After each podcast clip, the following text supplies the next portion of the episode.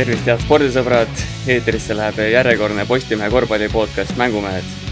täna peab siis alustama võib-olla ütleme, et ühe sellise kurva ja ühe hea uudisega, et halva uudisega alustades on see, et see on meie hooaja viimane osa, siis neljateistkümnes osa ja hea uudis on see, et siin viimaseks episoodiks oleme, oleme taas kogunenud äh, siia Postimehe stuudiosse ja mul on siin äh, hea meel tervitada ikka sedasama, sama isikkoosseisu, mina olen ajakirjanik Jarmo Ögomägi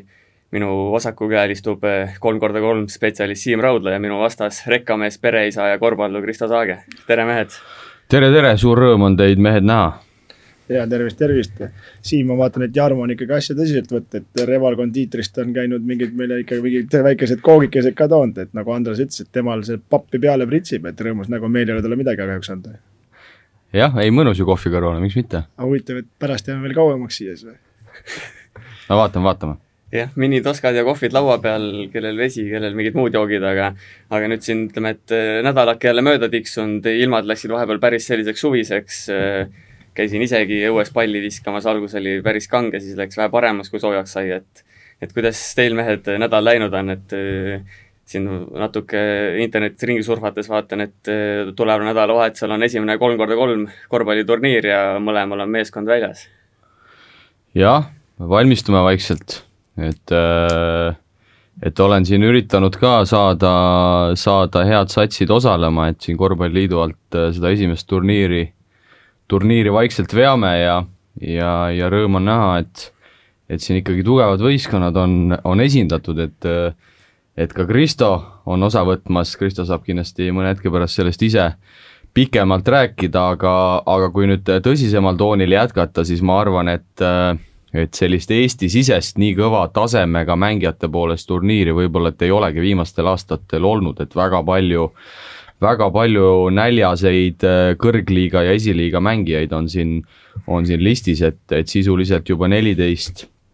neliteist satsi on ennast kirja pannud ja ma arvan, et me saame siin nendel nimedel ka äh, vaikselt peatuma hakata, aga, aga kõigepealt siis jah, ma arvan, et äh, uurikski Kristo mõtteid, et, et kuidas sa selle, selle jamaga siis nüüd niimoodi kaasa läksid? no ja nagu, nagu ikka, et kergesti manipuleeriv, et äh, sa ju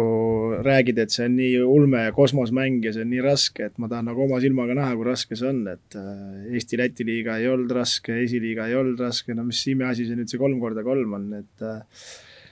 noh, andsime jälle käe, et äh, tundub, et äh, ei oska nagu kehvasti asja teha ja proovisime siis äh, töölisklassi võistkonna panime välja ja, ja tegelesime siin isegi natukene, et oleks vähe ilusam see asi, et otsisime ka mõned sponsorid endale ja et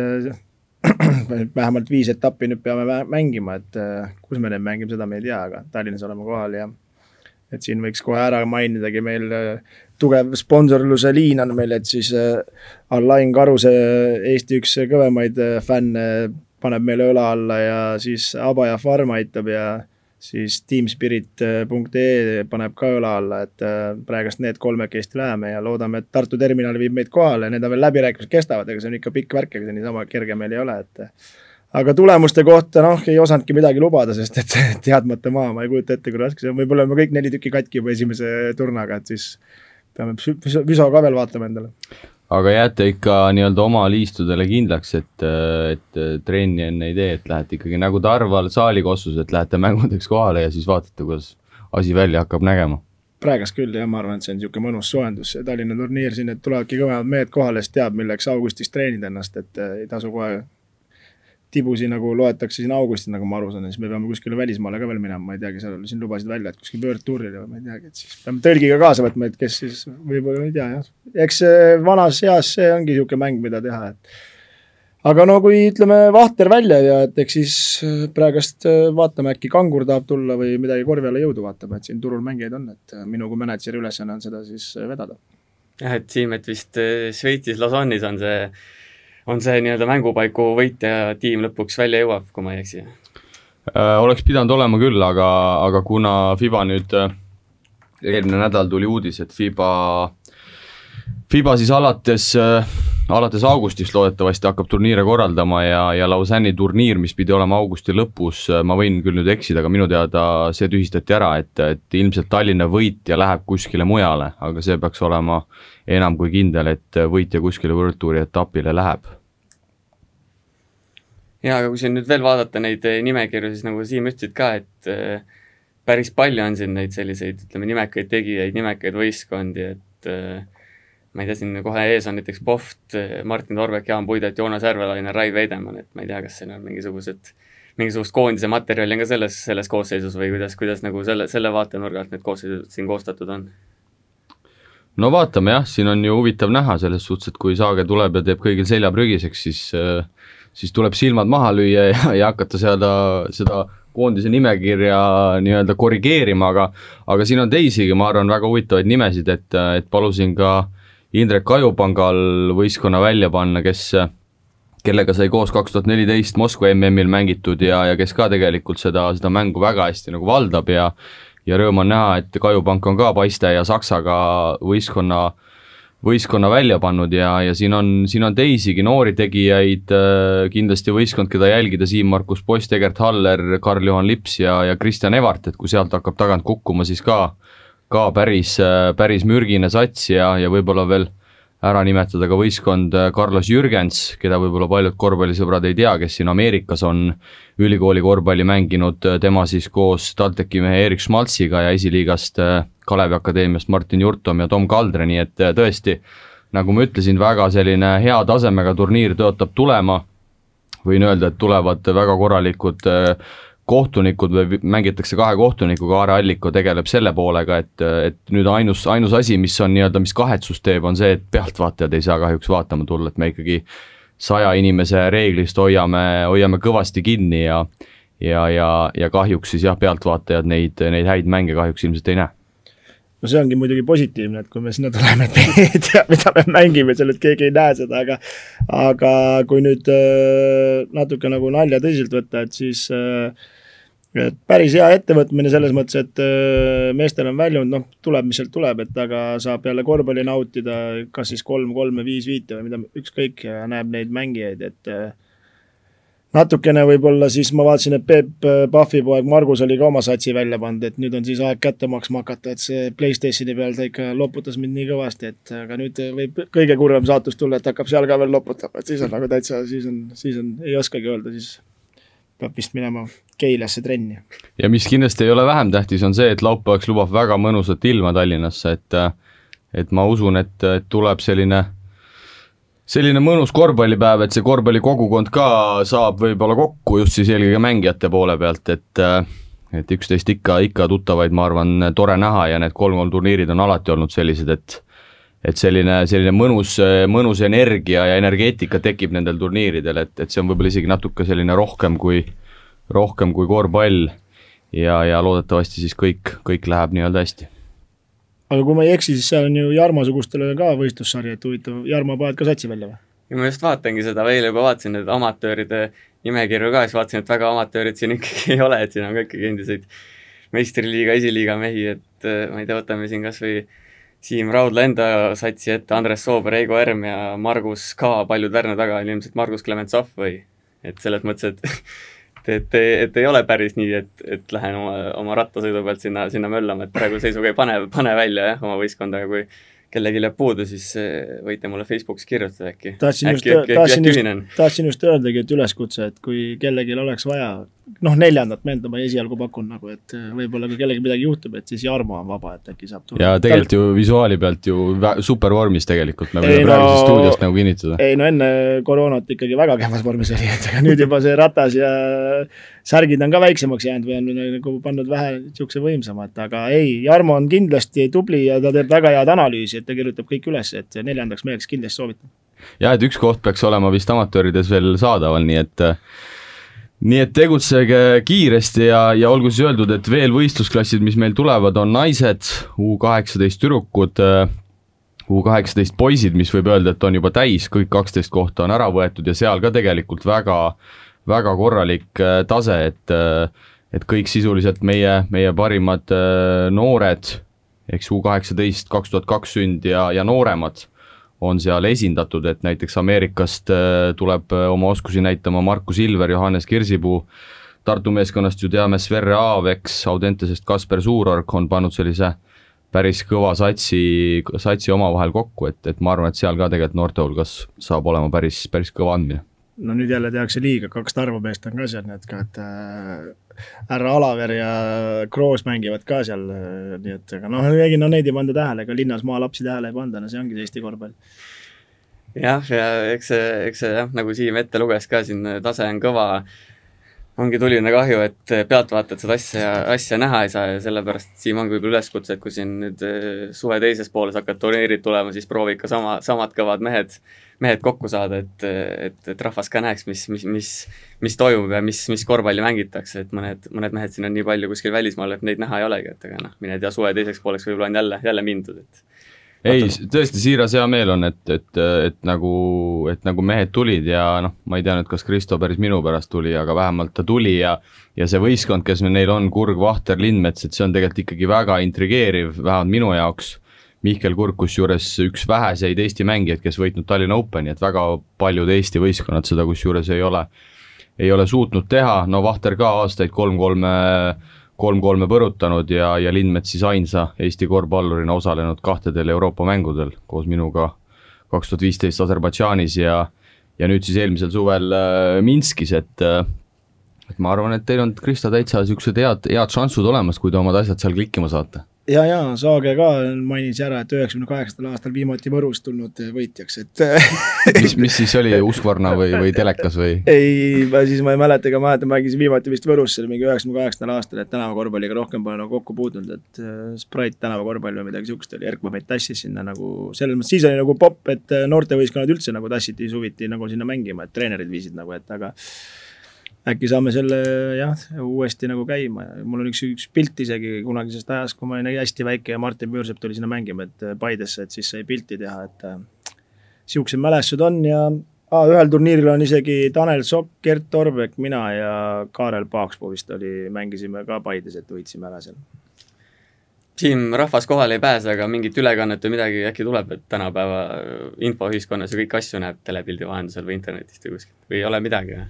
Ma, lo ma loodan, et tuleb, sest et minu teada valdkonnajuht Reigo Kimmel muretses endale sügisel vajalikud tarvikud, et kõikides suveetappides teha stream kuskil, et et ma, ma loodan küll, et, et see saab teoks, et, et patt oleks, kui, kui stream isegi ei oleks, et selle, selle tuleks kindlasti nagu, nagu organiseerida, et inimesed vähemalt siis videopildi vahendusel neid, neid mänge näeks. jaa, kellel jääme ootama lõpuks hakkavad ka korvpallis uuesti põnevad mängud pihta, esialgu kolm korda kolmes, aga aga asi seegi, ja nagu eelmine nädal lubasime, siis keskendume see nädal eelkõige kuulaja küsimustele, aga käime ka siin mõned tähtsamad nädala teemad veel läbi, et et siin nädalavahetusel tuli päris selline, ütleme, et suur ja võib-olla ootamatult varauudis, et Siim-Sander Vene liigub siis tagasi Hispaaniasse, Fuenalabradasse, kus ta kus ta siis ühe, ühe mängu on karjääri jooksul mänginud, et äh, kokkuvõttes igal juhul väga positiivne, et nii kiiresti see lahendus tuli ja väga tugevasse liigasse. jaa, et see oli väga positiivne uudis ja mm, praegust selle uudise valguses vaadates, et nii kiiresti Eesti mängija sinna ära võeti, et miks mitte, et Kristjan Kullamägi tahtis Hispaanias jätkata, et äkki, äkki saab ka seal äh, samma satsi, et aga ega Vene pärast muidugi mures ei olnud, et väga hea hooaja tegi Varesias ja ja noh, kindlasti ta klubi leiab, aga et nii ruttu leidis, et äh, see on muidugi väga positiivne ja noh, ma arvan, et ta on väga hea klassiga mängija oma hinnaklassis, et niisugustel mängijaid on praegu kõige rohkem, ma arvan, hinnas. jah, ma olen, olen sada protsenti nõus, et äh,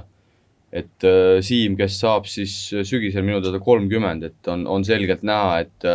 et vigastused on, on ta õnneks maha jätnud, mida, mis teda siin ikkagi Žalgirise aastatel tegelikult ju ju vaevasid ja, ja tekkisid isegi siin lausa küsimused, et kas, kas selle mehe keha ongi nii-öelda mõeldud selle korvpalli, korvpalli jaoks, et et tal ikkagi neid probleeme oli, nüüd ta on saanud vigastuste vabalt treenida, mängida, vanus on paika loksunud, tundub, et on ikkagi oma elu parimas vormis, kui nii võib öelda, mängulises, et et ehe näide, et kui räägitakse, et parimad aastad kakskümmend seitse, kolmkümmend kaks, ütleme, et sinna vahemikku, et et tundub, et tema jaoks on see ka nagu kätte jõudnud, samamoodi oli ju tegelikult ka Kanguril, et et kui need Montepaschi ja Milano ja Baskonia asjad tal seal olid, siis ta oli ka seal, võite mind parandada, kuskile kolmekümne tuuri, et et noh, Hispaania liiga, Euroopa, kui me võtame riigi meistrivõistlusi, siis ikkagi top üks, et siin ei ole nagu midagi, midagi rääkida, et kui me jätame need eurosarjad kõrvale, et väga kõva üleminek, loodetavasti suudab seal, suudab seal püsida, kaheaastane leping ka, nii et seljatagune peaks olema ikkagi mingil määral kaitstud. ja, ja ütleme, et see, see võistkond just, kus ta läks, on võib-olla selles mõttes hea, et jäi sellel hooajal siis eelviimaseks, aga välja ei langenud, okei okay,, hooaeg pole lõpetatud, aga, aga aga eelviimaseks nemad jäävad, sest kui turniir jätkub, siis jätkub kaheteist meeskonnaga, et nemad nagunii mängida ei saa, et et tegelikult ajalooliselt nagu on nad rohkem seal tipu suunas, on nüüd eelviimased, et eh, Venet, Venet ikkagi minu arusaamise järgi arvestatakse seal nüüd põhitegijaks, et siis siis ongi sellised võib-olla hea saada suuri minuteid, olla suures rollis ja aidata, aidata meeskonda tagasi nüüd vähemalt top kaheksasse esialgu, et et samamoodi nagu Vareses oli nüüd viimane hooaeg Vene väga suures rollis, ma arvan, et tal Fuenel ja Pradas võib ka see hooaeg väga suurde rolli, rolli tõusta, siis ongi tõestamise koht, et kui, kui hea mees ta on ja et kui nüüd äh, lihtsalt nagu praegust äh, juttude ja paberi pealt äh, mõelda, et siis ilmselgelt sellel võistkonnal on korralikud eesmärgid, korralik nagu läbimõeldud asi, et kui nii vara juba paned käed alla, et siis mingit nalja sinna tegema ei lähe ja ja küll nad tahavad seal tipus olla, aga noh, Hispaania, Itaalia, no see tipp on ikka nii tihe seal, et see neliteist satsi, et seal, kui isegi kangurid ja mängisid Itaalias, vaatasid neid tulemusi, et seal iga voor tõusid kuus, neliteist, käis üles-alla, et seal on iga võit tähtis, et äh, aga ma arvan, et see on väga hea ja noh, kui siin selles koroona jamas midagi positiivset leida, et siis äh, Siim leidis uue klubi ja kaheaastase lepingu, et äh, nüüd annaks sealt jumal, et hakkaks töö pihta ja kõik taastuks. ja, ja peaks ju ka see hea uudis olema meile, et koondisakendeks peaks ta olema olemas, et Euroliigat, Eurosarja Fuenalabrada ei mängi ja, ja saab koondisele appi tulla siis väga kõva nii-öelda karastuse pealt ja ja, ja nagu Kristo mainis, siis see Hispaania liiga on metsik, et a la seal reedel ütleme, Real paneb Euroliigat, eks, ja pühapäeval tuleb sind juba seal noh, näiteks ongi, tuleb see Fuenalabrada sind hammustama, kes on terve nädal sinu jaoks nii-öelda valmistunud, kes siis ei mängi teisi eurosarju, et et seal käib ikkagi nagu väga kõva, kõva andmine ja nii palju kui Siimult endalt on ka siin äh, saanud uurida, siis noh, see Hispaania ikkagi on top üks, et siin ei ole midagi rääkida, et kindlasti seal Türgid, Itaaliad on nagu seal lähedal ja, ja kindlasti, aga ma arvan, et just selle ühtluse poolelt, et, et need kõik need kaheksateist satsi, kes seal on, et äh, see viimane Estudiantes võib ka seda esimesi seal hammustada, et seal ikkagi oleneb täiesti päevast, sa pead olema kogu aeg valmis oma parimat mängu näitama, muidu sind ikkagi karistatakse nagu, nagu kohe ära ja ma olen mingil määral nagu jälginud ka neid tulemusi siin hooaja sees aeg-ajalt, et äh, just ma mõtlen seal Reali ja Partsa koha pealt nagu ja no ütleme, seal paberil on seal Real, Partsa, Valencia, Unicaja võiks nagu olla natukene ülevalpool, no Real, Partsa kindlasti ongi, aga kui sa vaatad tulemusi,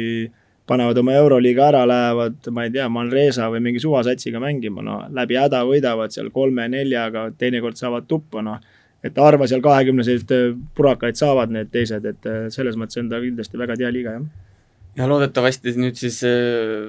läheb sama, sama hästi ka Sander Raiestel, kes siis siin ütles vist mõnda aega tagasi, et et paari nädala pärast ta sinna Baskoonia juurde läheb, et varasemalt ka öelnud, et tahab sinna Baskoonia ikkagi kaheteist hulka see aasta pääseda mängida nii Hispaania kõrgliigas kui Euroliigas, et eh, kaks Eesti meest Hispaania kõrgliigas ei oleks väga, väga paha, paha näitaja ja, ja, ja see, kui, kui siin on nii palju nüüd Kaspar Dreierist ka igas kõlakaid olnud, et ju tema ka seal ikkagi mingi koha Itaalia kõrgliigas leiab, et et eh, täitsa viisakad, täitsa viisakad mängupaigad meie meestel ja ja lisaks veel rääkisin eile siis Martin Lambi, Martin Lambiotsaga, meie Eesti ainsa agendiga ja ütles, et võib-olla siin paari nädala jooksul on ka teiste mängijate kohta uudiseid oodata, et vaikselt see turg hakkab elavnema, et, et saab huvitav olema näha nüüd, mis see lähiaeg toob, aga, aga eks siin suvi on veel ees ja, ja siin raskes majanduslikus seisus võib, võib, võivad asjad venida ka. Seis ei, ei ole kindlasti mitte paha, et, et kui, kui sa selle mängijate perspektiivi juurde tulid et kindlasti see korvpallikodu nüüd ka, kui selle juurde juba tulla, et siin eilsetes spordiuudistes ka pealik ütles, et kolmkümmend, nelikümmend nägu sealt suve jooksul läbi, et no ma ütlen ausalt, minu jaoks küll suurepärane, suurepärane, noh, leiutis on palju öelda, ega ta nüüd midagi nii uut ka ei ole, aga et see meil nagu reaalselt nüüd lõpuks nagu ära tehti, et niisugune variant on, et, et olen, olen ise ka Toialaga rääkinud ja ja sisuliselt seal ikkagi tehaksegi selline kolmkümnemehelist punti igal pundil on üks treeningaeg, eks seal veel tehakse füüsilist äh, tööd, tehakse seal veel samas, samas jõusaalis ja, ja siin hakkavad olema ka nii-öelda omavahelised äh, sõprusmängud või siuksed mängupäevad, kus siis tuuakse kohtunikud reaalselt saali ja ja hakatakse siis omavahel ka nii-öelda oskusi näitama, et, et tundub, et koondise mängijate jaoks tuleb ikkagi väga huvitav, huvitav suvi ja, ja ma arvan, et kui see koroona midagi kasulikku tegi, et siis ta avas meie Eesti mängijatele rohkem nagu turu, et äh, rahaga enam ei pilluta nii palju ja tuleb see ütleme, keskklass hakkab rohkem tipule lähenema ja ma arvan, et meie paremad ajad võivad siin jala ukse vahele saada ja siis pead ainult ise mees olema, et meie paremad ajad, ma arvan, tulevad alles. jah, et see korvpallikodu esimene tagasiside on ka mängijatele olnud väga positiivne, nagu oodata oli ka ja mis veel positiivne oli, et äh, Taavi Jurkat on võib-olla ammu näinud, et äh, mees on vähemalt, äh, mees on vähemalt lihast peale saanud, et mänguaega väga ei ole seal San Franciscos saanud, aga vähemalt on suuremaks läinud, mitte ainult nagu pikkusesse, vaid ka laiuses. kindlasti ka väga huvitav mängija, keda tahaks nagu väljakul mängimas näha, et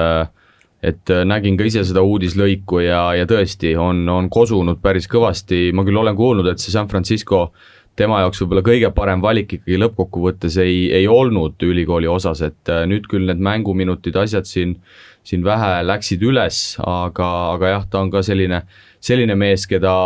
siin varem välja öeldud näiteks Treierile on mul väga suur huvi nagu, nagu mängimas näha et kui Jarmo ütles, et väga positiivne nähtus, et ega ju, kui me tegime seda saadet Skype'is, et on ka positiivne üle kahe kuu kedagi näha, et ega üksi treenides ei olegi hea, et ma arvan, et see tiimivärk ja see koos seal saalis käia ja teha ja ikka vaatab, mis teine teeb ja tahad aina paremaks saada, et see tekitab mingit konkurentsi, et see on kindlasti see korvpallikodu, sellepärast on juba väga hea. jah, ja kui pool naljaga öelda, siis mõnusad soengud ja habemed olid ka meestel ette kasvanud, et ka nüüd varsti rohkem kaameras olema, siis tuleks võib-olla natuke viisakamaks, viisakamaks sättida, aga aga kui siin veel nädala teemad natuke kokku võtta, siis äh, täna selgub Euroliigas, Euroliiga saatus, eh, klubid langetavad lõpliku otsuse, kas hooaeg juulis jätkub või mitte. eile oli siis väidetavalt selline mängijate, mängijatega koosolek ja enamus mängijad olid selle vastu, aga aga nagu öeldud, siis viimane sõna jääb klubidele ja ja samal ajal siis tuli eelmise nädala lõpus Saksamaalt teade, et juunis hakatakse Münchenis mängudega pihta, kümme paremat meeskonda vist oli seal, jagatakse kahte alagruppi ja ja, ja sealt, sealt edasi siis saavad play-off'i ja on Münchenis kõik ühes hotellis, mängivad ühes saalis ja, ja nii ta läheb, et, et mingit korvpalli vist ikkagi siin näeb suvel ka saalis. jah, no sakslased äh, kuidagi jagavad seda asja, et äh, et jalka pandi käima ja nüüd pannakse korvpall käima, et äh, et noh, Saksamaa on selline hästi, kuidas öelda, hästi, väga hästi üles ehitatud riik või kuidagi hästi selline ratsionaalne, et et äh, lõunamaal on see kindlasti see, see kõik nagu veidi, veidi keerulisem, et äh, aga jah, Euroliiga koha pealt äh, noh, ma ikkagi endiselt sügavalt kahtlen, näis, mis otsus sealt täna tuleb, aga aga siin ju Shane Larkin ka ikkagi väga, väga nii-öelda avameelselt äh, avaldas arvamust, et, et see on mängijatele vigastuste osas liiga ohtlik äh,, ettevalmistusaeg on liiga, liiga lühike äh, mis, mis tase sellisel juhul on, eks, et Euroliigal on tekkinud mingi reputatsioon ja nüüd, kui see tase on ju, mängijad ei suuda seda välja mängida, noh, kas see on ka nagu siis selle liigale nagu hea, et, et, et selline, sellist poolkõva asja nii-öelda tegema hakatakse, et noh, kindlasti klubid, kes hakkavad mängima kohalikke meistrivõistlusi, Maccabi hispaanlased tõenäoliselt, eks noh, nemad on vast nõus aga noh, ma ei näe mingit põhjust, miks Žalgiris peaks tahtma mängida, miks äh, Himki CSKA peaks tahtma mängida veel seda Euroliigat, et äh, VTB on läbi, Leedu meistrivõistlused on läbi, välismaalased on Ameerikas, noh, ei, ei ole nagu mingit reaalset nagu pointi. Ei usu ka, et see toimima hakkab, et pigem ju enamus võistkondades ikkagi saalis tuul puhub ja seal midagi ei toimu ja nüüd järsku paneme jälle kokku, et noh, no no öeldakse küll, et money talks, aga no järgmise aasta lepinguga koos ainult või lähed seda pulli tegema, et eelmise aasta lepingu seda kindlasti kaasa ei tee ja ja see on pigem niisugune jah, nagu lihtsalt äh, ajakirjandusele midagi kirjutada, aga vaevalt sealt midagi tuleb. ja, ja nagu öeldud, siis täna peaks see selgus saabuma, vähemalt nii on, nii on ametlikes dokumentides kirjas, ega siin otsust ei ole kuhugi edasi, edasi lükata ka, et, et nii ta on jah, aga nagu äh, nagu enne sai juba mainitud eelmisel nädalal ka, siis äh, täna, täna keskendume peaasjalikult äh, kuulajate küsimustele, teemadele ja võib juba etteruttavalt öelda, et, eh, et küsimusi on, on väga palju ja hakkame, hakkamegi vaikselt otsast minema ja, ja küsimus number üks siis, et kes on olnud parim Eesti klubis mänginud välismaalane? Jah, enne kui alustame, ma kindlasti tahaks tänada kõiki kuulajaid, kes on nagu neid küsimusi saatnud, et, et neid on tõesti palju olnud. me oleme siin omadega natukene tõtt-öelda jänni jäänud ja, ja need saated nii pikaks ajanud, et, et pole, pole saanud nendel küsimustel väga, väga peatuda, aga, aga ma arvan, et kindlasti täna on väga hea võimalus viga parandada ja, ja me saame siin need enamik parimad küsimused kindlasti kindlasti äh, läbi käia, aga, aga kui tulla siis selle esimese küsimuse juurde, no ma arvan, et siin on päris palju nagu äh, variante, et, äh, et ma, ma pigem räägiks nendest meestest, keda ma võib-olla ise olen rohkem näinud, kelle vastu võib-olla väljakul, väljakul ka käinud, et, et ma tean, et siin eelnevatel aastatel juba varasemalt on, on ka olnud tegelikult väga häid mängumehi, aga, aga noh, mulle tuleb, tulevad meelde niisugused nimed nagu John Linehan, Frank Elegar Danoka Beard kindlasti, äh, minule isiklikult meeldis väga ka Georgi Tsintsadze, Armand Škele, äh, Scott Machado, Josh Boone. Ja ma paneks sinna ka Curtis Milledži, et äh, et kõikidest saab kindlasti nagu pikemalt rääkida, aga need on need nimed, mis nagu mulle äh, jäid meelde, kes on teinud pärast Eestis olekut ka niisuguse kõvema karjääri äh, või siis lihtsalt nagu, nagu jäänud kuidagi sümpaatseteks äh, mängumeesteks jah, et äh, sa tõid kõik äh, Kalevi mängijad välja ja ühe Tartumaa ka siis ja, aga kui veel sellele, need on kõik väga head mängijad, et äh, kui praegust, kui peaks valima kõige parema, et siis äh, mulle Elegar nagu meeldis selles mõttes, et ta oli kõige domineerivam, no et äh, korvpalliväljakul, et see oli hea poiss äh, nendest, aga ma lisaks veel siia juurde, et ma juba nii vana mees, et äh, Larry Danielsit mäletad, niisugust korvpallurit, et see oli võimas vananaha, et selle mehe see lõuga panemine otse seal Kalevi spordihallis Neibli turniiril, et see jääb arvatavasti eluks ajaks meelde, et see on niisugune, niisugune vend, kes veel võiks välja tuua ja ja Tarvas äh, nagu, kes on pilti kõvasti mänginud, oli ju Brandis Reili Ross, et äh, see oli ka päris okei okay, vana. jah, sellised äh, Larry Daniels mul isegi ei olnud meeles, aga noh, nagu ma ütlesin, ma olin siis äh, võib-olla rohkem selline noor korvpallivaataja, et aga Daniels kusjuures äh, kui mina veel mängisin, see võis olla mingi kaks tuhat viisteist, kui see mingi Oklahoma punt siin käis tuuritamas, siis Daniels oli seal, oli seal kusjuures treener, nii et, nii et siin ka ka ühel hetkel sattus, sattus Eestisse tagasi, aga, aga võib-olla natukene valgustan omi mehi, keda ma siin lugesin, et, et et miks ma need valisin ja, ja võib-olla kuhu need mehed on oma hilisemas karjääris jõudnud. et John Linehan, paljud korvpallisõbrad kindlasti teavad pärast seda, kui Gramost ära läks Prantsusmaa kõrgliiga klubis Nancy Euroliigas äh, oli ühel hetkel nii-öelda enim sööte ühes mängus andev mängumees, et pani viisteist söötu Fenerbahce vastu Euroliigas, et äh, noh, ma ise mäletan, et äh, ma olin siis mingi kaheksateist äkki ja reaalselt ei tahtnud minna väljakule, kui see mees seal oli, sest et äh, Marts ja Kristo vist ise mängisid ka äkki Eestis, et kuidas see mees neid palle ära noppis, et päris nagu ebameeldiv oli seda palli üle tuua ausalt öeldes, kui see mees väljakul kaitses oli. ja see mees on väga eredalt mul meeles, et äh, mängisin jah, siis Tarvas ja tema vastu ja tulin äh, palliga üle keskjoone ja hakkasin seljaga pööret tegema ja siis tegin selle pöörde ära ja siis äh,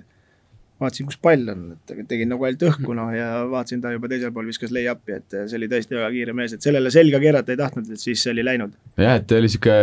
noh, heas mõttes sihuke väike vanamees nägi välja, aga no pff, uskumatult kiired ja kuidagi ennetas neid äh, ennetas neid äh, asju, mida sa juba seal väljakul tegid, et, et väga nagu, väga ebameeldiv oli tema vastu ja, ja kui siit edasi minna, Danoka Bird, noh, kõik ilmselt teavad Euroliiga äh, efektiivsusnäitaja rekord kaks tuhat neli aasta Bologna vastu kuuskümmend kolm, tänapäeval on see vist see pirr, öeldakse selle kohta, et et ka kindlasti noh, mäletame kõik seda võiduviset, millega ta Graamo suurrallis kukutas, noh, Josh Boone ju tegelikult ka oli küll võib-olla veidi põgusamalt siin Kalev Cramos, aga läks edasi Imkisse, peale seda mänginud Austraalias ja viimane hooaeg siis Ühendemiraatides, võttis seal ilmselt kullakangides seda, seda palka, palka välja ja Machado ju ka tegi oma, tegi oma NBA väikse treti tegelikult ära ja ka tema võib-olla mõneti üllatuslikult on Austraalias siin viimased aastad äh, mänginud, et, et, äh, et neid mehi on tegelikult olnud, kes on ikkagi siit tuule tiibadesse saanud ja, ja mis kõige olulisem, nagu Kristo mainis Elegari kohta, et nad on olnud nagu hästi domineerivad ja, ja, ja võistkonda selgelt nagu paremaks muutnud. Ma lisaks selle Linehani juurde see ka veel, et äh, tema nagu selles mõttes on tegija vend, et et ta oli nii väike ja ma arvan, et iga teine korvpallitreener, kes vähegi nagu seda biiti jagab, et oli ka lastele hea nagu eeskujuks võtta, et äh, nii väiksena saab ka korvpalli mängida, et vaata, kuidas see mees teeb, et pane kaitset, pane söötu, et ei ole mingit piire sel pikkusel. Ma mäletan, et seal kuulsa kaks tuhat üheksa finaalseeria ajal oli palju juttu sellest, et et siin eh, Tartu tagamehed eh, oli vist Sten Sokk ja Sintsaatse palju kurtsid seda, et need käed olid seal jube punased ja laksud käisid vastu käsi, et kas see käis ka Lineheniga kaasas, et eh, päris puhtalt need alati asjad ei käinud, aga tegi kavalalt? ei tea, ma ei, ma küll ei mäleta väga, et noh, eks see paras niisugune, eks korvpall ongi ju vea piiril mängimine, et ma arvan, et eks igale mehele käib uhkuse pihta, kui talt põrgatuse pealt see pall ära võetakse, eriti tagamängijate puhul, et noh, seda ma mäletan küll, et et tollel hooajal Zintsatse vastu oli ikkagi nagu tunduvalt lihtsam, sest äh, olgugi, et äh, oli noorem, aga noh, a la siukeste TTÜ-de vastu mängides, no see vend ikkagi väga nagu ei, ei viitsinud, et Linehan pani kogu aeg täiega, et selles suhtes veel eriti nagu müts maha, et ta, ta oli juba siis, ma arvan, kolmkümmend pluss oli Linehan, et äh, see, kuidas ta pingutas ja, ja noh, neil oli Vutšinitsi näol ka selline selline konkreetne ja hea treener tol aastal, aga, aga tõesti minule võib-olla isegi võib-olla mõneti minu positsiooni tõttu on see Linehan nagu kõige, kõige eredamalt meelde jäänud. ja et seal ongi va vaata vahe sees, et see Tsintsaatse mängis teiesuguste kaarede vastu show defense'it, et aga Linehan mängis nagu päris kaitset, et aga selle Jarmo jutu peale ma vastaks nii, et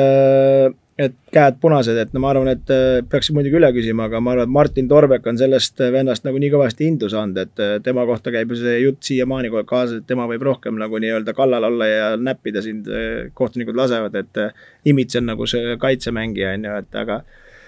kui kohtunik laseb, siis laseb ja ega muidugi veits äh, kohtunikul on ka selles mõttes raske, et mõtle, kui sa iga esimese väikse puute ära vilistad, see mees on kolme minutiga väljas, noh, et kuskil peab see piir olema, et sa kõike ei saa võtta ja, ja, ja keegi ei keela sul samamoodi vasta mängida, et kui noh, lõpuks on ikkagi, kohtunik ei saa sulle ka siis liiga teha, et ma arvan, et see on nagu rohkem niisugune jutu tasandil. Ja, ja enne kui järgmise küsimuse juurde lähme, siis äh, olen teie meestega nõus, lisaks veel võib-olla siin viimasest ajast juurde. Äh, Arnett Mouter ja võib-olla esmajärjekorras, et tema oli võib-olla sellist tüüpi mängijat erinevalt Elegarist, kes nagu kes äh, nii väga ei tahtnud võib-olla, aga seda talenti ja, talenti ja oskust oli meeletult, et äh, ta oli ka üsna, üsna domineeriv ja, ja tähtsas rollis siin Kalevis, lisaks siis eelmisest hooajast veel Tony Brouten, kes oli ka selline paha poiss, aga aga, aga, aga tõi, tõi, tõi värvi juurde, et läbi aegade parimaks teda kindlasti ei pane, aga ütleme, et mingites elementides äh, oli ta, oli ta väga hea ja ma ei tea, siin näiteks äh, veel Cedric Simmons äh, kõva CV-ga, et neid, et neid mehi on, on tegelikult kõvasti läbi käinud, jah. Jah, need just sinu esimesed nimed, et Multri ja Vrotten, noh, paratamatult sellised äh, positiivsed persoonid jäävad nagu, jäävad nagu rohkem meelde, et et noh, nii palju kui siin meedias, ma ei tea, palju on läbi käinud, aga no Multri oli ikkagi väga, väga keerulise iseloomuga vend, et kui sa seal ise tribüünil äh, mängu ajal näed, et, et mees paneb treenerile, et kuule, võta see kitsing välja, et ta ei saa hakkama umbes noh, et siis vaatad küll nagu, et mis, mis, mis toimub, et isegi Kairis, Kairisel oli suu kinni ja ei, ei tulnud sealt, ei tulnud sealt piiksugi ja siis tahab veel riietusruumis kellelegi üle tahi tõmmata, et, et noh, siuksed mehed kindlasti kõva mängumees, aga aga pigem igal juhul jääb meelde enne Elegar ja Puun, aga, aga noh, ma usun, et mängutasemelt äh, kindlasti nagu õiged pointid ja Cedric Simmons kusjuures oli mul täitsa meelest läinud, et ka äh, ka väga kõva mängumees ja nii palju, kui siin Graamo meestega on räägitud, siis äh, selline noh, täielik professionaal, väga kõva kapten äh, oli neil ja, ja noh, et, et noh, mänguklass ikkagi Euroliiga ja, ja kõik need muud jutud ja, ja eks neid vendasi me võimegi üles lugema jääda, et ütleme siin viimase seitsme-kaheksa aasta jooksul Graamo on ikkagi väga häid oste teinud ja neid on, neid jätkub, et neid vendasi on seal kindlasti veel, aga lihtsalt need on praegust, ma arvan, kes on nagu domineerinud ja on selle võistkonna nii-öelda järgmisele levelile viinud, et me ei saa ju unustada ka seda Valgevene tagapoissi, see tegi väga korralikke asju siin ja noh, neid on, aga, aga, aga lihtsalt praegust need nagu tulid eredamalt meelde, jah ja, ja Pirni põlemalöömise mõttes veel Joss Agonioni toon ka välja, kes oli kõva, kõva viskemees ja läks ka vist NBA-sse seal kuskil Tiina ja mingisuguste Kurrunurru vuti saarte kaudu, et tema oli seal, ütleme sellel äh, Kalev Cramo, ütleme sellel mõõnaperioodil üks, üks liidreid, aga aga polnud ka selline võib-olla kõige, kõige positiivsem tüüp Äh, küsimus number kaks, äh, kas on mingid kindlad suunad, kuhu poole korvpallitreeningud on viimase kümne-viieteist aasta jooksul läinud, mis on treeningutes muutunud? Noh, ma ei tea, kui ma nüüd kiire vastuse peaks andma, et äh, kümne-viieteist aasta jooksul on ta kindlasti läinud nagu läbimõeldavamaks ja nii-öelda mm, süsteemsemaks, et, et meie tegime kakskümmend aastat tagasi Erkmaga talupojamõistusega, nagu ikka Venemaal tehakse, et kakskümmend venda jooksma ja kümme, kes ellu jäävad, need panevad edasi ja need kümme, kes ei jäänud, need lähevad minema, et äh, nüüd ikka vaadatakse siin pulsikellad ja mõeldakse ja tehakse, aga noh, mis see õige ja mis see vale on, et äh, aga noh, kindlasti ta on läinud süsteemsemaks ja ja no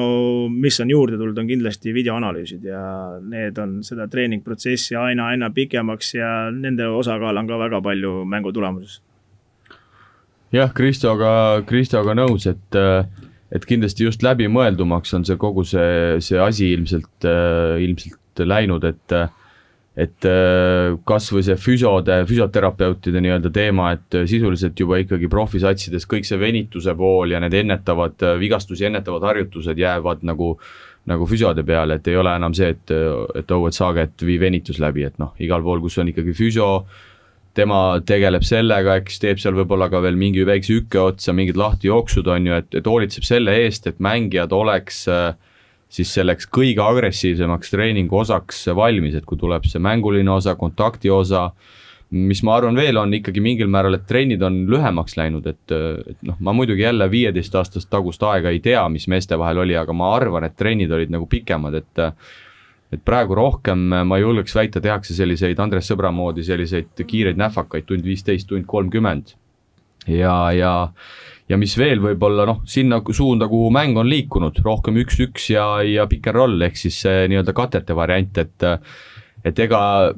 trennis sa ju teedki neid olukordi väsimuse pealt läbi, mida sul mängus on vaja parandada, et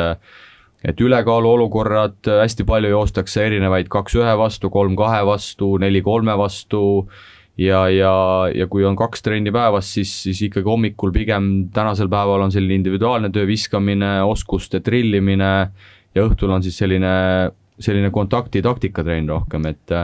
et ma arvan, et siin, siin mingid asjad on kindlasti nagu, nagu, nagu muutunud, et see asi,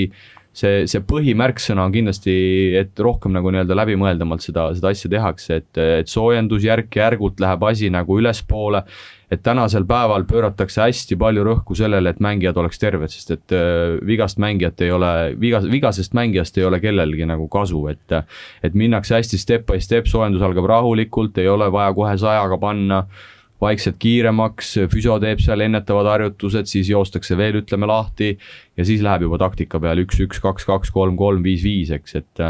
et ma arvan, et need on need põhilised nii-öelda muutused, mis, mis mina olen nagu siin ütleme, võib-olla kümne aasta jooksul näinud, et on, on toimunud.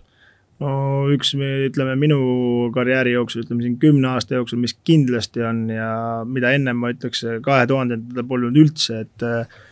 individuaalne lähenemine äh, mängijatele, et äh, treenerid nagu individuaalselt äh, lähenevad sulle, räägivad sulle, teed harjutusi trennis, mis sul vaja teha on, et praegast, kui ma mõtlen KK Rakvere ajale, siis ainukene, kes individuaalset lähenemist sai, oli Valla Allingu ja ta sai sellepärast, et Melnik ei viitsinud hommikul trenni teha, siis ta treenis seda Valla Allingut, et tegi sellest mängumehe, et see on läinud ja, ja siis äh, treenerid äh, teevad viskeharjutusi, aga tehakse tulemuse peale, et see läheks paremaks, et niisama tuimalt lihtsalt ei loobi ja minema ei lähe, et äh, pannakse kirja ja püüakse aina paremaks saada. Ma küsin, Kristo, sinu käest just, et noh, sina oskad nagu viieteist aasta võib-olla perioodi jooksul rohkem rääkida, et et mulle kohati on jäänud selline mulje, et osad nii-öelda võib-olla vanema generatsiooni treenerid mitte kellelegi liiga tehes kohati tehti võib-olla vanasti trenni selleks lihtsalt, et äh, trenn ära teha, et ei, ei, ei, ei pandud nagu rõhku, et nii, nüüd me harjutame seda pikerroll kaitset või pikerroll rünnakut või me harjutame rotatsiooni. tehti lihtsalt naksti-naksti, eks mängime vähe kossu, on ju, teeme soojaks või, või pigem see jutt ikkagi ei vasta tõele, ikkagi juba kahe tuhandendatel pöörati ikkagi juba ka rõhku nendele situatsioonidele, mis mängus ette tulevad no mina saan rääkida ainult endast ja Erkmast, et ma ei tea, mis siin Tallinnas teil tehti, et no meil tehti trenni kõvasti, et aga sihukest taktikalist osa, noh, praktiliselt null. oligi null, et kaitse osas, mis sul oli, kaks asja.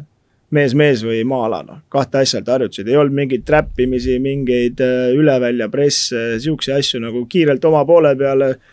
tuled üle rahulikult, kolmkümmend sekki aega, tiksud siin-seal, noh et äh, see on kindlasti muutunud, aga no me tegime kõvasti trenni selles mõttes, et äh, noh, põhilaks oli ikka kuradi Chris Krossiga ikka nii, et äh, hing oli paelaga kaelas ja ilma pallita ja jooksmised ja värgid, et Erkma seda nautis ja no see oli selles mõttes, et jõuga tõi tulemust, et aga nüüd on vaja nagu mõistust ja seda juurde rohkem sest ongi, kui, kui me tuleme eelmise saate juurde tagasi, kus, kus te Henri Ausmaaga siin seda ehitustööriista aega lahkasite, siis ega seal ju te ka mõlemad ütlesite, et ega seal mingit suurt taktika nagu asja ei olnud, et ei olnud umbes, et pick and roll'ist ehk siis ütleme siis nii-öelda, ma ei taha seda küll niimoodi tõlkida, sest et kate-kattest ei ole nagu kõige parem väljend, aga okei okay,, las ta praegu jääb, et et umbes, et ei olnud neid reegleid, et trapime või nii ja, ja kui ma siin vaatasin ka koroona ajal neid, neid varasemaid Estikate mänge, no seal ju noh, sorry, aga seal ju pargiti lihtsalt bussi ja, ja oodati, et noh, ma ei tea, viska umbes peale, et, et kohati oli isegi ausalt öeldes natukene nagu naljakas vaadata neid mänge, et ma olin siis, ma olin siis nähtavasti ikkagi nii, nii väike veel ja saalis olles ma ei saanud sellest nagu absoluutselt aru, aga kui ma nüüd vaatasin, ma need aastanumbrid täpselt ei tule meelde, see oli üheksakümnendate äkki, äkki kas alguses või keskel, seal Delta ja Tallinna Kalev ja no siis oli ausalt öeldes päris nagu naljakas vaadata. ei no see ongi, see on ikkagi no, no noh mitte kellelegi liiga tehes, aga see korvpall on nii palju muutunud, no Aivar Kuusma praegast ei jookseks ringi, no selle kehaga ei mängi korvpalli, no mitte, selles mõttes inimesed ongi nagu erinevad ja siis lihtsalt oligi füüsiliselt tugev ja pani selle maksma, aga nüüd on see ainult füüsiliselt tugev, sulle ei mängi, no ega, ega ma ka ei mängiks, aga lihtsalt meil see tase on niisugune, nagu ta on praegust, et aga noorematel on jälle järgmine samm teha ja see läheb ju kogu aeg, läheb aina edasi, et ja kindlasti seal keegi sul ei pannud rõhku, et äh, Aivar Kuusma viskan, no muidugi kõik teadsid, ta on viskaja, et aga kuidas spetsiaalselt teda kinni panna, noh, lukku panna, noh. sa ütled, paneme selle, vaata, et see Kuusma ei viska, noh, noh. Kuusma tuleb alt üles, Noormets paneb sulle katte, no mis sa teed siis, noh, pikk ei astu kuhugi välja ja sa jääd sinna Noormetsa kattesse kinni, noh et ma toon nagu ühe näite, mis mulle ka jälle eluks ajaks meeles on, kui noorena sain mingi kuusteist, seitseteist olin, sain äh, väljakule ja siis Margus Metsnok mängis Pirital, noh topi saalis mängiti, no siis nad mängisid seda nii-öelda risti, on ju, alt jooksis välja, noh. minu mees jooksis alt välja, noh. Mestak tegi kiirelt ühe puusaliigutuse, ma olin kolmandas reas pinkide vahel, noh, sai kattevea, tõstis käe üles, ütles sorry, minu viga, no järgmine kord ma hakkasin juba pinkide juurest jooksma, noh, aga see samal ajal juba pandi, Rainbow pani kolme, noh, et oli juba. et need asjad on muidugi väga palju muutunud ja noh ega kui sa vaatad NBA-dki näiteks noh, see on ka muutunud ju noh, mehed on läinud no sihukeseks noh, ülevalt alla ainult, noh, et sa pead reeglitega vaatama, et nad korvist palli ära ei võta. Noh. jah, eks siin eh, palju oleneb eh, tegelikult treenerist ja treeneri käekirjast ka, aga aga võib-olla see, et mäng on läinud rohkem äh, taktikaliseks näitab kas või see, et juba siin äh, ütleme, et minu rahvaliiga tasemel on ikkagi päris palju sellist taktikalist poolt ka, et kust, kust abid tulevad, äh, kuidas, kuidas seda pick and rolli kaitset mängida ja, ja nii edasi, milliseid liikumisi rünnakul teha, et selles mõttes, et et, et igal pool on sellist ikkagi, ikkagi taktikat ja ja, ja nii-öelda jah, läbimõeldumat tegevust, tegevust rohkem juures, et päris nii ei ole, et lähme saali ja ja hakkame kohe viis-viis üle välja jooksma, et, et soojendused, värgid, mingid viskeharjutused, okei okay,, lõviosa ajast läheb hea korvpalli mängimisele isegi, isegi rahvaliigas, aga aga, aga toimub ka muud, muud asja ja, ja võib-olla millest, millest võib-olla siin Eestis ja Euroopas veel vähe juttu on, on, ma olen kuulnud seal Sixten Domingo kaudu, et, et USA-s näiteks Georgia Techis on juba sellised, sellised tehnoloogiad olemas, et et pannakse siis see Tri-Fit või see alussärk Nike'i oma selga, seal on eh, pulsimõõtjad, asjad sees, näitab sulle ära, palju pulss on, palju mees trennis pingutab, palju võrreldes eelmise korraga midagi muutunud on, et see läheb võib-olla veel teaduslikumaks siin tipptasemel, kui, kui suudetakse investeerida sellesse, jah ja eks seal on kuskil on vaata piir, et äh, selles mõttes, et äh, kuskil on, peab see äh, balanss olema, aga kui nüüd ta meie kuulajale nagu puust punaseks selgeks teha kümme ja viisteist aastat tagasi korvpall, siis see ongi täpselt see, mida Jarmo rääkis, et see kümme-viisteist aastat tagasi oligi see rahvaliiga tase praegusega võrreldes no ja, ja, ja mis võib-olla välja tooks, võib-olla mitte treeningu põhjal, aga mängu osas, et, et Kristo siin rääkis nagu, nagu mängulise poole pealt ka, et et kindlasti neid selliseid pikemaid kombinatsioone on nagu vähemaks jäänud, et et no ma ei tea, kümme katet ühe rünnaku jooksul, noh sellist asja ei ole, et te näete ise Euroliigas ja eks meie Eesti asi läheb ka sinnapoole, et et kindlasti neid liikumisi nagu on, aga pigem on nagu liikumised nüüd sellised, et sul on üks liikumine ja sul on a la viis-kuus erinevat nagu optsionit, ehk siis võimalust, kuidas see liikumine lõpeb, et, et ma tean siin äh, olles suhelnud ka TalTechi peatreener Kris Killinguga, siis ma ei tea, kes siin olid, Ogre ja Jurmala vist, kui siin Pahvliigast näiteid tuua, no ta ütles reaalselt, et mingi kolmkümmend nagu erinevat nagu liikumist.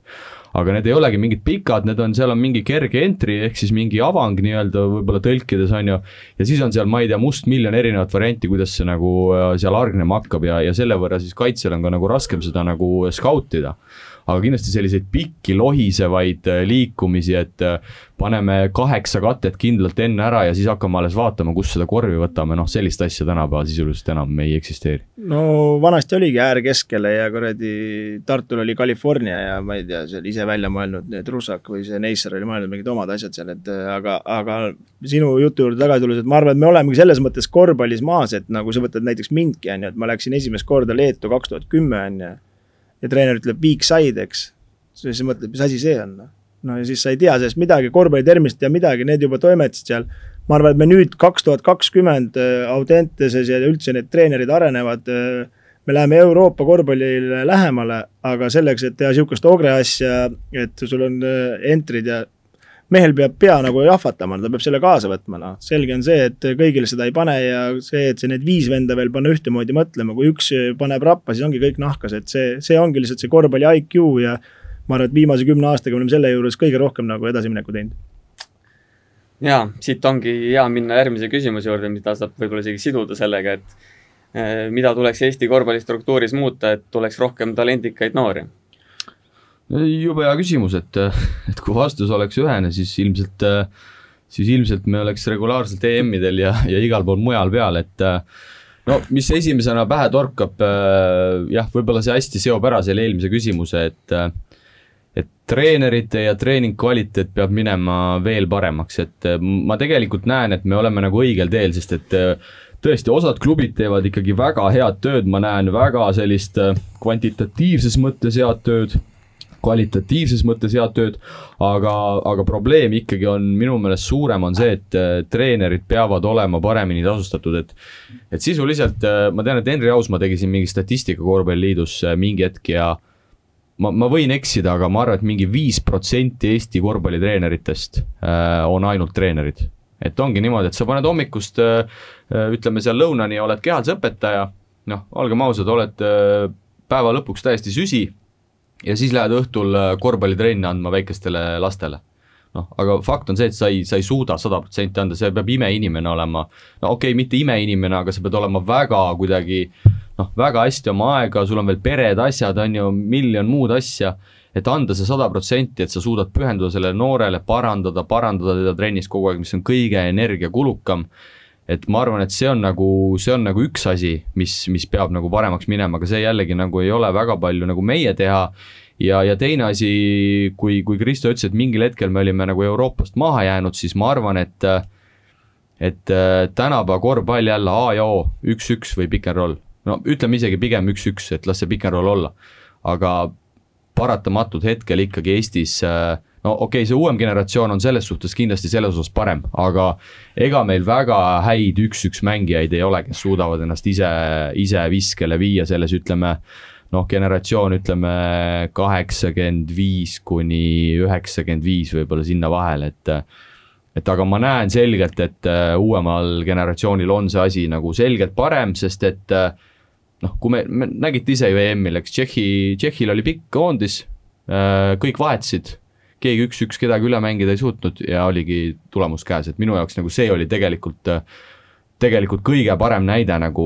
kus me oleme võib-olla nagu maha jäänud, et noh, hea on muidugi targutada, aga aga ma arvan, et mingil hetkel see on kindlasti olnud nagu probleem. Ja et kindlasti treenerid, et selles mõttes ma võtaks kõikide treenerite, noortetreenerite ees nagu mütsi maha, et kes sellega jändavad, need peavad täisfanatid olema, et rahast pole siin mõtet üldsegi rääkida, et keegi seda raha pärast ei tee, et esmaspäevast reedeni paned trenni, käid tööl, nädalavahetused paned võistlusi ja üks ja sama ratas käib ja siis võib-olla juunikuus passid ja siis tahad juba mõtled, et peaks laagrit tegema ja et nad täitsa käest ära ei lähe ja siis on juba jälle september käes ja jälle läheb üks sama nagu ratas ja kes selle pealt ainult kannatab, on ju perekond, et aga noh. lõpuks öeldakse ikka nii, et noh, tahad, tee, noh teist valikut ka pole, kui sa nii fanatt oled ja teed, et aga kui nüüd selle korvpalli juurde tulla, et mis nagu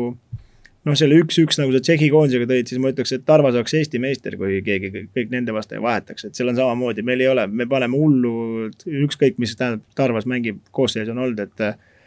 panevad hullu, aga kõik vahetavad ja ongi hing kinni ja tulevad mõõnad sisse, et äh, eelmises küsimuses, ma arvan, vastasime päris palju ka sellele ära, aga mis edasi teha, noh. see on jah, noh, peame saama neid, ütleme, Jurgatami suguseid pikkasi peame suutma teha number kolmedeks, kahtedeks, et see on meie eelis, et nagu mingit domineerivat korvialust ei ole meil Eestis olnud Euroopa mõttes ja ei tule ka, ma arvan, et et pigem niisugune maks on meil neli, et aga noh äh,, jah. Olen Siimuga selles osas nõus, et teadlikkus ja see töö kvaliteet on kindlasti tõusnud ja, ja, ja võiks ta veel tõusta, aga aga üks probleem on ikkagi see, et viimase aja trend on see, et paljud noored mängijad lähevadki esimese asjana välismaale, et siis jääbki meil siia kodumaale vähe tegijaid, sisemine konkurents langeb ja selle arvelt sellist, ütleme, et kodus pusimist on vähem, et, et, et samas nagu nüüd ongi küsimus selles, et kas me, kas me tahame kodus neid mängijaid kasvatada, kas me laseme need välja, et kui me tahaks kodust palju, palju häid mängijaid saada, siis me arvame, me saaks viisteist, viisteist venda kokku küll sinna Audentesesse, kes, kes veri ninast väljas möllaks,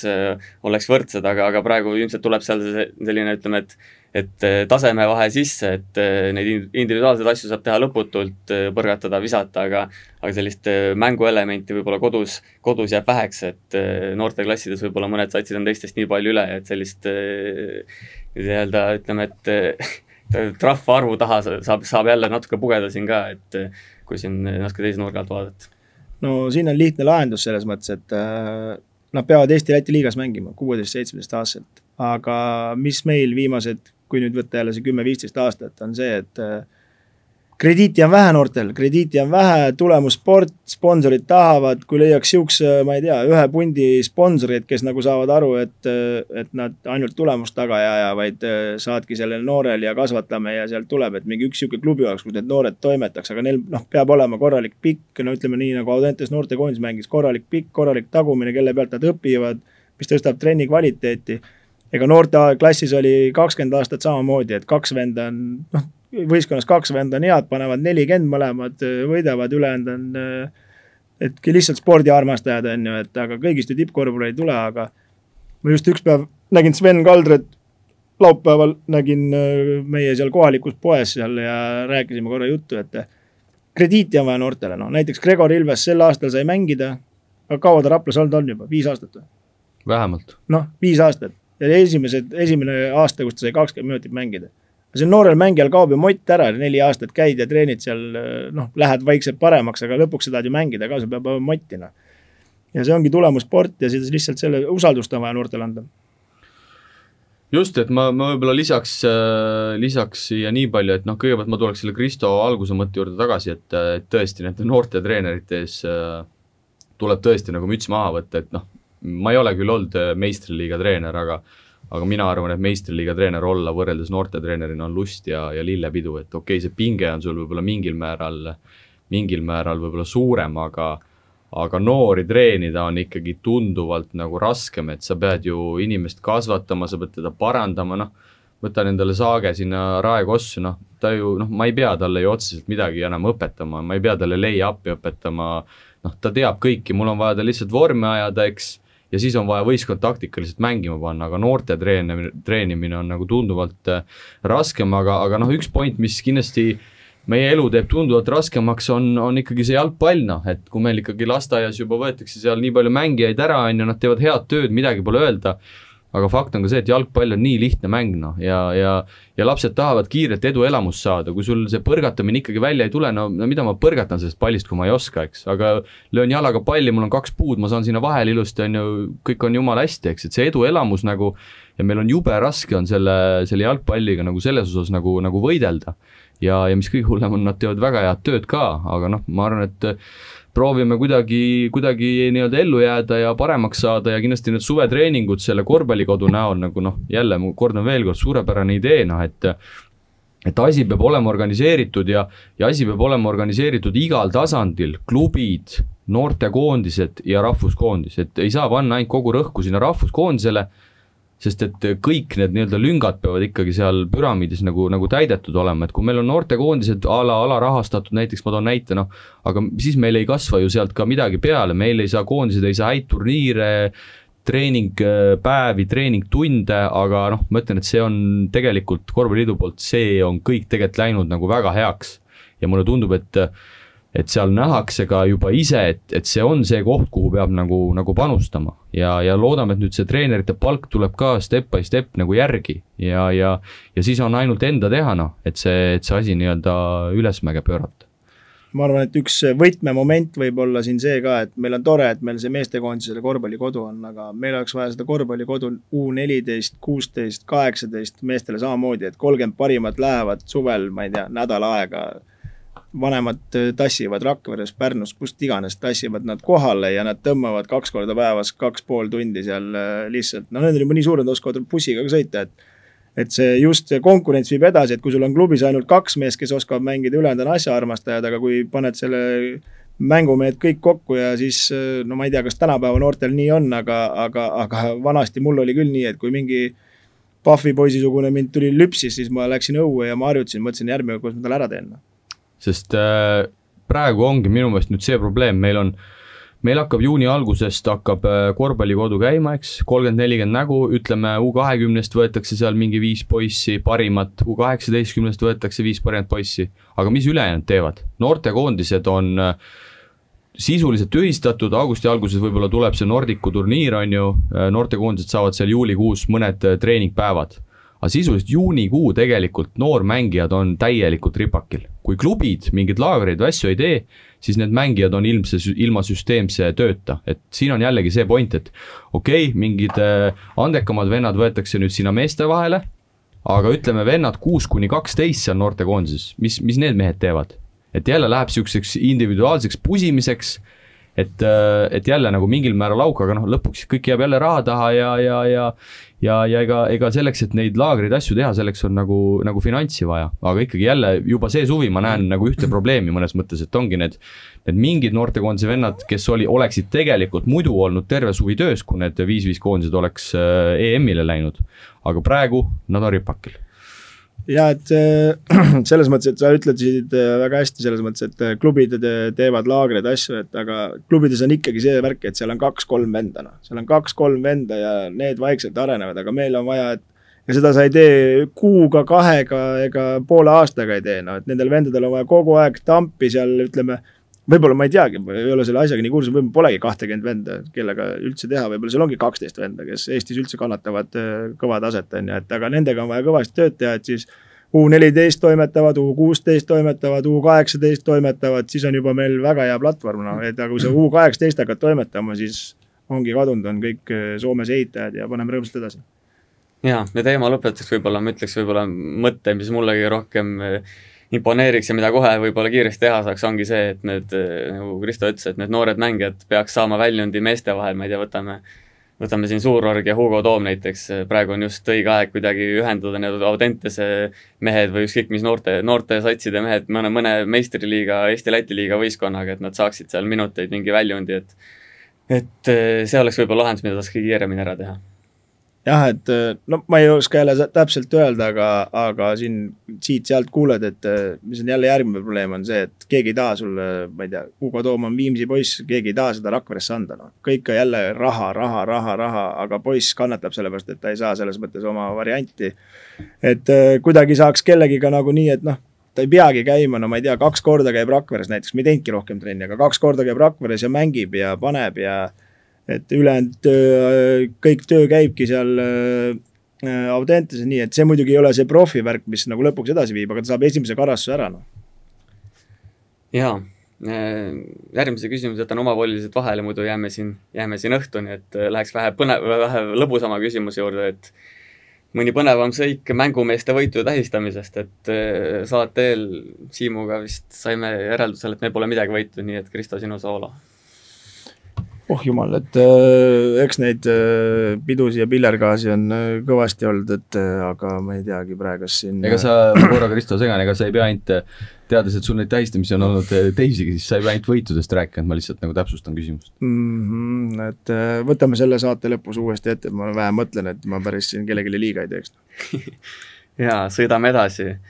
Äh, mängijakarjääri lõpuaastal ütles Aivar Kuusmaa umbes nii, et kui ma ühe hooaja veel mängin, siis ainult sellepärast, et Pugonen jäi haiget et äh, kas teil on oma mängijakarjääri jooksul olnud äh, sarnaseid juhtumeid või vastaseid, et juba enne mängu algust on teada, et läheb kõvemaks madinaks ja räpaseks mänguks? ma ei tea, võib-olla vanasti oli sellist asja rohkem, et ma ütlen päris ausalt, mina nagu küll ei, ei mäleta sellist Pugoneni-sugust puksijat, et et eks neid selliseid jutumehi seal väljakul sagesuguseid ikka on, aga aga ma ei tea, jällegi Kristo ilmselt oskab siin nagu rohkem, rohkem rääkida, aga, aga mina oma kogemust ütlen küll, et mina ei mäleta isegi mitte ühtegi sellist, kes ikkagi tuli sulle nagu küünlanukiga nagu kõhtu, et nagu tahtis sulle haiget teha, et, et ei, ei tule küll ette. No selles mõttes, et ega see jah, korvpall vanasti oli räpasem kindlasti ja seda nügimist ja värki oli rohkem, et ma arvan, kui sa Aivari käest praegust küsid, siis ta noh, võib-olla lihtsalt ütles välja, nagu siin viimane jalgpallimäng lubas ka Vassiljevi üks mees kuradi ära taguda, et noh, see lihtsalt äh, mängu sees käib see, et aga, aga aga ma ei usu, et ta praegast nii mõtleks, aga eks ta kindlasti oli nagu mustem ja see mäng oli nii aeglane, sul ei olnudki kolmkümmend sekki oli sul aega seal ju kedagi peksta ja teha midagi, sest ta tundus lihtsalt mustem, et praegast käib nii kiiresti, et äh, Linehani-sugune vend on sul siis. Äh, sa ei suudagi talle haiget teha, sest ta on juba läinud sul noh, et. Äh, et need ajad on selles mõttes muutunud ja ma ei usu, et kellelgi ma ei kujuta ette, noh, mängid näiteks, ma ei tea, Rakveres ja tead, et nüüd tuleb TTÜ-ga, et nüüd ma lähen lihtsalt selle eesmärgiga, et seda venda kuradi jebida, et ei usu. no üks mees teil vist oli, sa eelmine saade jälle tulles tagasi Melnikust rääkisid, et, et see mees oli vist küll selline, kes ikkagi nagu tahtis äh, nendele, nendele alumistele seal nagu vähe liiga teha no jah, eks ta seal tegi ja seal oli, temaga ma mäletan seda, et ma olin siis äh, seal Vinnis see lapipoiss, et äh, ma pidin, mul oli palju tööd, sest talle meeldis sülitada väljakule lampi, kui tal midagi ei sobinud, et siis ma tõmbasin lapiga puhtaks, aga ta, ta oli lihtsalt, ta oli nii hirmuäratav äh, vana, et ega seal nooremad kohtunikud seal, need ei julgenud talle midagi öelda ka, kui ta lihtsalt räuskas, ta ei läinud kaitsesse tagasi, ta seal räuskas ja sülitas seal aeg-ajalt, et. Et selles mõttes, et oli hea, aga ma arvan, et ega praegast on ka neid vendlasi, kes siin nagu verbaalselt töötavad läbi, et ja noh, mõnel on lihtsalt sütik on nii väike, no kasvõi tuua see Robert Backi lugu minuga, et no reaalselt ei öelnud midagi, no või ma siis olen nii loll, et ma ei mäleta, et ma oleks öelnud, aga ei öelnud midagi, aga viieteist sekiga olin knock-out'is, noh et lihtsalt kuju ei meeldinud, et äh, eks mul on neid äh, kaklemisi seal ennemgi olnud mingi kraamameestega seal, ma mäletan mingi Gert Torbeku mingi tossu loopimislugu oli seal ja nendega seal puksisime seal, et neid ikka on olnud. ja üks mees mul tuli, ma korra, korra segan, segan vahele, et äh, üks mees mul tuli nüüd küll niimoodi hoo pealt meelde, et kellega ise sai koos mängitud, Illimar Vilk oli, oli omal ajal sihuke päris äh, päris nagla, et äh, no natuke võib-olla ka meeldis meelega kohati, et tegi küll, laiutas käsi ja ütles, ma ei ole midagi teinud, aga, aga ta oli küll niisugune mees, kes siin läbi murdes ka oma aeglaste pikkade sammudega niisugune küünlanukk ees, et, et tema, tema võiks küll võib-olla näitena tuua, et mitte, et ta nüüd iga mäng kedagi nii-öelda vigastama läks või midagi sellist, aga noh, kui variant tekkis, siis ikkagi pigem pani ära, kui et ei pannud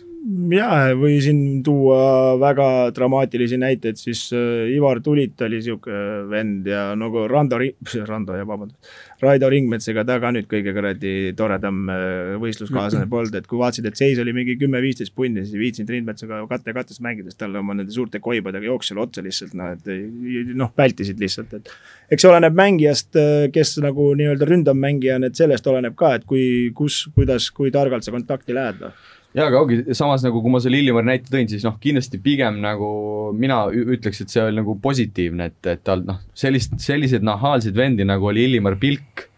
kellega ikkagi sai ka aastaid trenni tehtud ja, ja koos tegelikult ju kolm-kolme mängitud päris pikalt. et äh, jälle minu meelest sellistest äh, meestest on nagu ka meil natukene uimaste nii-öelda karjal eestlastena natukene puudust, et äh, see on iseloomu teema aga, aga selline heas mõttes nahaalsus, noh nagu ka võib-olla Kristol ikkagi mingil määral on, et, et sellisest asjast jääb meil ka nagu natukene puudu. ei no seal ongi, see on ka ju vaata, et äh, kui noh, Erkma pani mind jälle seal maakonnaliigas, äh, toon jälle oma näite noorena, et kui, kuidas kuueteist-seitsmeteist aastane nagu peaks läbi lööma, et et pani meid maakonnaliigas äh, mängima, noh, mängida eriti ei saanud, aga lõpus said ikka peale, sest vahe oli nii suur, on ju, noh ja siis seal äh, kolmekümne, kolmekümne, kolmekümne viie aastane amatöör, kes tahab, armastab korvpalli, noh sulle iga rünnak küünarnukiga näkku paneb, noh ja siis, kui sa sealt kiirelt püsti ei tõuse ja järgmine rünnak edasi ei võitle, siis Erkma sõimab sind veel ka, ütleb, et mis seal mingi lumehelbekene või noh, et meil on lihtsalt sellest ongi puudus, et äh, sa võtad need löögid vastu, õpid sellest ja tõused püsti, pea püsti ja annad endast parima, et ei jää sinna pärast eh, nagu kontakti kartma, nagu Melnik seda pikka hirmutas. selle Kristo mõtteteraga meie saade täna lõppeski. peame kuulajate ees vabandama, kahjuks siin tehnoloogia ajastul juhtus nõnda, et eh, ligi kolmandik küsimustest ja pool saatest läks kaduma, aga aga vähemalt on meil seegi enam-vähem tunnine lõik olemas, eh, kui kui kõik läheb hästi, siis ehk tuleme uuesti eetrisse nii-öelda väikse eriosaga juunikuus, võtame veel, võtame arutluse alla need, need küsimused ka, mis kaduma läksid, arutame värskematel teemadel ja ja võib-olla siis nii-öelda pikendame natuke hooaega, aga, aga see on veel selgumisel. ja igal juhul, kui Kristo ja Siim on juba lahkunud, siis ma arvan, et nemad on, on samamoodi soovivad teile head suve, mängige korvpalli, tehke sporti, olge aktiivsed ja ja kohtume juba järgmistes, järgmistes osades ja järgmiste korvpallijuttudega, aitäh!